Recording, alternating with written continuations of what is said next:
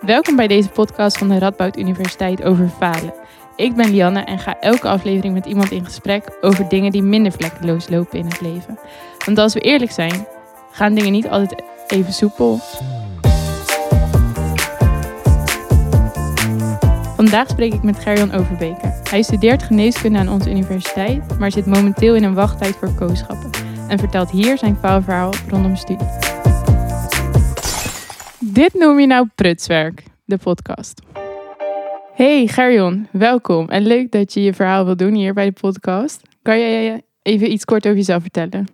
Hey, um, ja zeker. Ik ben uh, dus Gerjon en ik studeer geneeskunde, had je al verteld. Um, en ik woon sinds drie jaar hier in Nijmegen. En daarvoor kom ik uit Zeeland, in het plaatje Hoek. En dus niet de hoek van Holland, maar de hoek van Zeeland. Um, ja. Nice, goeie.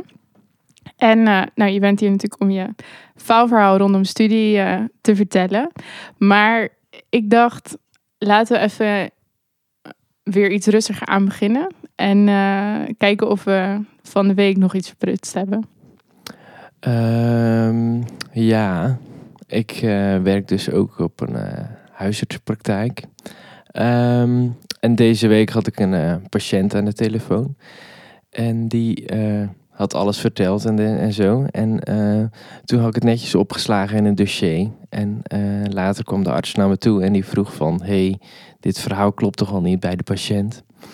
En toen bleek dat het dus de verkeerde patiënt was. En oh nee. was het is heel moeilijk om weer terug te zoeken wie de echte patiënt was. Oh. dat was niet heel handig. Dus nu had patiënt X de klachten van iemand anders. Ja, dan okay. moest ik in mijn telefoon opzoeken wie het nou was. oh. Man, oké, okay, goeie. Dat uh, is wel een prutsverhaaltje. Ja. ja. Oké. Okay. En um, is misschien nog wel heftiger dan het feit dat ik vanochtend gewoon random een glas kapot heb gegooid. Maar ja. iets serieuzer prutsverhaal. Laat het daarop houden. En um, over je faalverhaal rondom studie. Wat, um, wat was het precies waar je tegenaan liep? Ik heb uh, in mijn studie een bepaalde aantal toetsen. Dat zijn vijf toetsen die op een uh, rij worden, moeten worden gemaakt. Een soort voortgangstoets. En um, het gaat over klinische vraagstukken. Dus echt alles wat je in de geneeskunde zou kunnen krijgen, krijg je nu in het kort in een toets van 112 vragen. Um, en deze toets is nodig uh, om te beginnen aan je kooschappen. Je moet worden ingelood voor kooschappen. En ik had uh, bij het tweede niveau uh, bleef ik haken. Uh, derde niveau haalde ik gewoon drie, vier keer achter elkaar niet. Dus vergeleken met mijn studiegenootjes kon ik niet zo snel beginnen met mijn kooschappen. Oké, het klinkt sowieso wel heftig, zo'n toets. Ik zou er niet aan moeten denken, maar goed, dat is misschien ook wel gewoon waarom ik voor biomedische wetenschap heb gekozen en niet voor geneeskunde. Maar um, je zei al van oké, in vergelijking met mijn studiegenootjes liep ik dus minder snel. Um, en je haalde die toets niet, je bleef daarop steken. Voelde het alsof dat een, een faal was, zeg maar? Uh, ja, want je ziet de rest wel uh, vooruit gaan, zeg maar. En je ziet uh, de rest al bezig met kooschappen en dergelijke. terwijl ik nog steeds die toets moest halen. Dus dat voelt inderdaad wel als falen omdat je gewoon kijkt naar andere mensen die het wel lukt, zeg maar. Ja, ja. dus vooral die vergelijking maakt dat dan. Ja. En had je zelf nog het idee van, um, als je gewoon naar jezelf keek, zeg maar, zonder die vergelijking, blijft dat gevoel dan ook staan? Um, misschien ook wel omdat je eerder die toets um, wel had gehaald, wel een niveau lager, maar dat scheelde niet heel veel in kennis die je nodig had, zeg maar. dus voelde alsnog wel alsof ik uh, faalde vergeleken met eerder in mijn studie, zeg maar. Ja, ja. En heb je een idee waardoor het kwam dat je zeg maar nu bleef steken? Um, ja, daar heb ik heel lang naar gezocht, zeg maar. Misschien bleef ik daar dan ook op steken wat het probleem was. Um, dus ik zocht heel vaak naar de problemen uh, die ik eh, had om de toets te halen. En ik denk zelf dat het ook komt omdat je eh, op den duur die toets ingaat met de gedachte van... ehm hey, dit wordt heel moeilijk en je gaat heel lang twijfelen over eh, antwoorden. Want deze toets is eh, meer keuze, dus je kan eh, meerdere antwoorden zijn soms goed naar je idee. En dan ga je steeds twijfelen en antwoorden veranderen. En ik had het idee dat, dat ik daar wel op bleef steken, zeg maar, omdat ik twijfelde aan mijn eigen kennis. Ja, ja, dus je hebt al van tevoren zoiets van, oh, deze toets is echt lastig. En dat maakt eigenlijk hem al lastiger dan dat hij misschien is, omdat het een soort onzekerheid teweeg brengt of ja, zo. ja, zo zou je het wel kunnen zeggen. Oké. En wat zijn een soort nu de gevolgen eh, voor jou? Ehm, ja, allereerst eh, kan ik dus, moest ik, even kijken, anderhalf jaar wachten op mijn kooschappen. Ehm, sinds deze zomer, zeg maar. Dus ehm, eh, ik moet nu nog een jaar wachten op eh, überhaupt het beginnen van kooschappen. Eh, je kan wel gedeeltes inhalen en zo met een, soort scriptie die je naar voren kan schuiven. Ehm, maar ja, het is gewoon een tijd overbruggen met werken. Dat merk ik nu vooral van dat ik niet echt met studie bezig ben, maar met werken. Ja, ja. En wat voor werk doe je nu? Ehm, ik werk in de gehandicaptenzorg en zoals ik eerder al zei, in de huisartsenpraktijk als doktersassistent. Oh ja, ja. Dus je bent wel een beetje nog met je Ja, eh, beroepkeuze bezig. ja.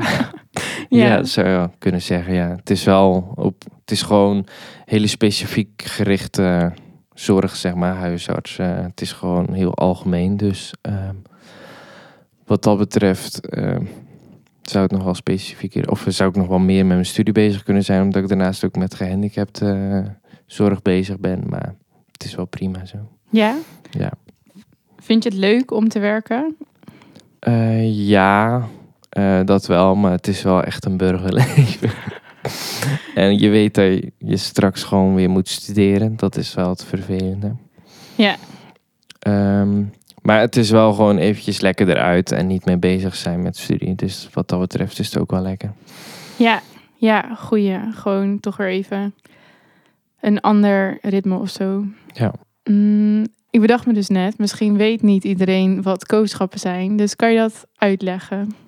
Eh, ja, kooschappen zijn eh, stages. ehm, door het hele ziekenhuis eigenlijk. Elke afdeling leg je af. Ehm, en de ene kooschap is dan zeg maar acht weken, de andere vier weken.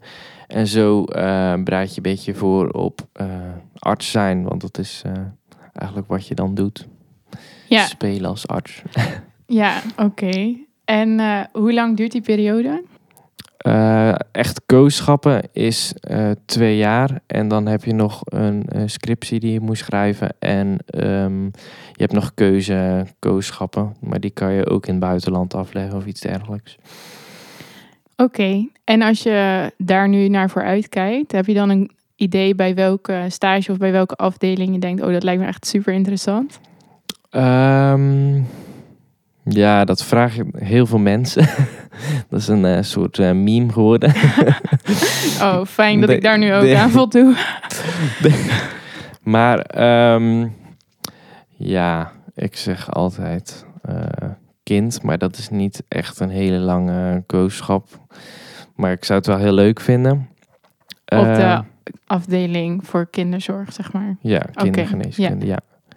Ehm, ja, en cardiologie denk ik. Maar die kan je niet altijd krijgen, omdat dat bij interne geneeskunde hoort. Maar dat wordt misschien heel specifiek nu. Oh ja, oké. Nou, oké. Dus dat is een van de afdelingen in het ziekenhuis waarbinnen cardiologie, hartzorg hoort dan. Ja. Oké, juist. En ehm, nou, je had al over de gevolgen dat je nu wachttijd hebt en dat je dus moet werken en dat je eigenlijk een ander ritme hebt. Maar ehm, wat had het verder voor gevolgen op jou of je omgeving? Of, ehm, ja, vooral in de periode na die toetsen toe eh, werd ik gewoon een beetje chagrijnig. En dat reageerde ik dan af op eh, familie en eh, toen nog mijn vriendin. Ehm, eh, en dat was nooit zo leuk. Ik werd gewoon, het was niet per se bewust of zo dat ik dan eh chagrijnig werd. Maar ik wist gewoon eh, in mijn binnenste dat ik nog een toet moest maken die ik eh, waarschijnlijk ging verknallen, zeg maar. dus dat is een beetje een, een vervelende paar weken voor die toets elke keer. Ja, ja. Het lijkt me ook wel gewoon heftig als je weet van ik moet dit gewoon halen. Lijkt me ook moeilijk om dan optimistisch door het leven te gaan. Maar het is wel vervelend als het ehm, invloed heeft natuurlijk op de mensen om je heen. Ja. En ehm, hoe ben je er doorheen gekomen? Ehm, ja, weet ik nog niet precies hoe het kwam dat ik het wel haalde. Maar ik heb nu eh, de twee achtereenvolgende toetsen wel gehaald met heel veel punten. Dus, ehm, Wauw. maar ik ben ehm, een beetje aan de late kant ook wel eerst hulp gaan zoeken bij de studieadviseur. Ehm, eh, maar die gaf me niet echt eh, goede tips. Ja, wel goede tips om de toets te maken, maar ik haalde het alsnog niet. Dus dat was niet echt een eh, succes voor mij. En toen ben ik bij mensen die ik kende die ook geneeskunde deden, ehm, hulp gaan zoeken. En eh, die hebben me toen aan een serie boeken geholpen. En waar alles in staat. Ja, en die heb ik gewoon volledig doorgenomen. Ehm, en een beetje met die methode aan de slag gegaan. En ik denk dat ik het daardoor heb gehaald, maar ik weet het niet zeker. Oké, oké. Maar het belangrijkste is dus dat je hem nu wel gehaald hebt. Ja. Oké, supergoed. En ehm, ook wel door hulp van anderen. Ja, zeker. Goeie. En als je nu ehm, terugkijkt, wat denk je dan? Ehm, ik denk eh, dat het wel een periode is geweest eh, die soort van zinloos eh, voorbij is gegaan. Maar aan de andere kant denk ik van ja, het had zo moeten zijn. En het komt nu ook wel goed. En ik doe nu ervaring op eh, door te werken. Dus wat dat betreft, eh, ja, ook wel prima natuurlijk. En je hebt nog zo lang om te werken. Dus wat dat betreft eh, is het geen probleem om eventjes nu een tussenjaartje te hebben. En ja, ik denk dat ik het wel, dat ik mezelf meer had moeten vertrouwen op een bepaalde manier. Eh, ik kwam op een duur op een punt waar ik mezelf niet meer, of ja, niet genoeg zekerheid had over mezelf. En dat helpt gewoon mee met ehm, heel het falen voor je toets, zeg maar. En ehm, zo'n zelfbeeld hebben heeft toch geen nut. Dus ehm, dat had ik het liefst niet gehad, zeg maar. Dat ik het gewoon zonder dat had kunnen doen. Ja. Ja, begrijpelijk. Maar heb je het idee dat dat nu alweer wat verbeterd is? Ehm, de toets halen, dat zorgt er soort wel voor van dat je het besef hebt, ik kan het wel. Ja. Ehm, dus dan stijgt dat zelfbeeld soort van gelijk mee. Ehm, aan de andere kant ben ik soort van nog wel onzeker over de toekomst, waar er misschien weer een punt komt waar ik iets niet haal of dat ik eh, iets wil bereiken wat niet lukt. En dat ik dan weer eh, in zo'nzelfde cirkeltje komt. Ja. Maar ik weet niet hoe dat eh, voorkomt natuurlijk. Nee, nee, dat is ook afwachten natuurlijk of het op je pad komt op die manier. Maar als je dan nu terugkijkt, zeg je oké, aan de ene kant voelt het een beetje als een zinloze periode. Had ik hem liever niet op deze manier meegemaakt. Maar aan de andere kant zeg je, het had zo moeten zijn, zeg maar. Wat maakt dat je dat er ook bij denkt? Ehm, ja, eh, nu ben ik ook gelukkig, dus ja. Het maakt niet zoveel uit of ik eh, nu al snel kon beginnen met kooschappen of ik eh, werk nu. Ik zit hetzelfde in mijn vel waarschijnlijk. Ja, ja, precies. Dus voor nu heeft het niet meer zoveel invloed. Nee. En ehm, nou, er zijn vast mensen die luisteren en denken: Oh ja, ik herken dat verhaal wel. Ik loop ook vast op een bepaald tentamen, misschien zelfs ook op de voortgangstoets. Of je zegt zelf al van, oh straks heb ik weer een moment in mijn vervolg van de studie dat ik ergens op vastloop. Wat zou je dan willen zeggen tegen zo iemand? Ehm, ik zou wel als tip geven om rondje te kijken en niet vast te blijven zitten op je eigen niet kunnen. En um, daarmee je zelfbeeld naar de knoppen helpen. Ehm, dus ik zou naar de mensen rondje kijken en vragen van... hey, hebben jullie tips voor me om deze, dit obstakel uh, te halen, zeg maar? En... Um, uh, die kunnen je ook helpen in het uh, zelfbeeld omhoog krikken. En dat je het niet alleen hoeft te doen. Dat scheelt denk ik heel veel in het. Uh, en vooral je zelfbeeld, denk ik. Maar um, ze kunnen natuurlijk ook tips hebben om uh, iets te halen of iets te bereiken. Ja, ja, absoluut. Zeker een goede om uh, met mensen om je heen daarover in gesprek te blijven. En stel, je was nu niet op een punt dat je kon zeggen: Oh, ik heb de toets gehaald. Hoe had je toekomst er dan uitgezien? Um, ja, daar heb ik vaak over nagedacht. Toen ik um, die toets nog niet had gehaald, moest ik toch op een duur een beetje gaan nadenken van... hé, hey, als ik het nou helemaal niet ga halen, wat dan? Um, ja, toen had ik gedacht van... laat die kooschappen dan maar zitten. Dat is gewoon mijn master. Dus dan heb ik wel, dan probeer ik met die toetsen wel mijn bachelor te halen in ieder geval. Maar dan ga ik niet nog uh, een paar jaar wachten tot ik kan beginnen met het vervolg van mijn studie. Um, dan had ik iets anders gekozen, denk ik. En ik heb er ook over nagedacht om helemaal te stoppen. En dan uh, een andere studie. Ik wist nog niet precies wat, maar uh, ik dacht ooit aan verpleegkunde en dan doorstromen ergens een keertje naar uh, ambulance of zo. Zo'n zo tak.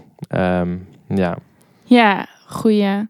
Je klinkt er niet eens heel treurig onder of zo. Om zo'n opleiding dan te laten gaan. Klopt dat? Nee, ja, het is wel een soort van droom geweest van de middelbare school dat ik het wilde. Um, maar ja, weet je, je studie is niet alles. Um, en je beroep dat je later gaat kiezen.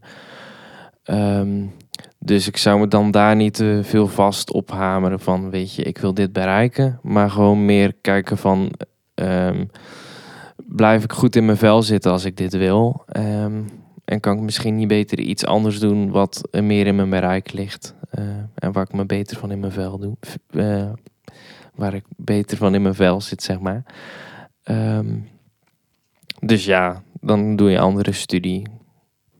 Ja, goeie. Dat klinkt ook wel gewoon als een goed luchtig perspectief. Gewoon je studie is niet alles. Het beroep wat je later kiest ook niet. En daarin um, gewoon ook goed hulp zoeken bij de mensen om je heen.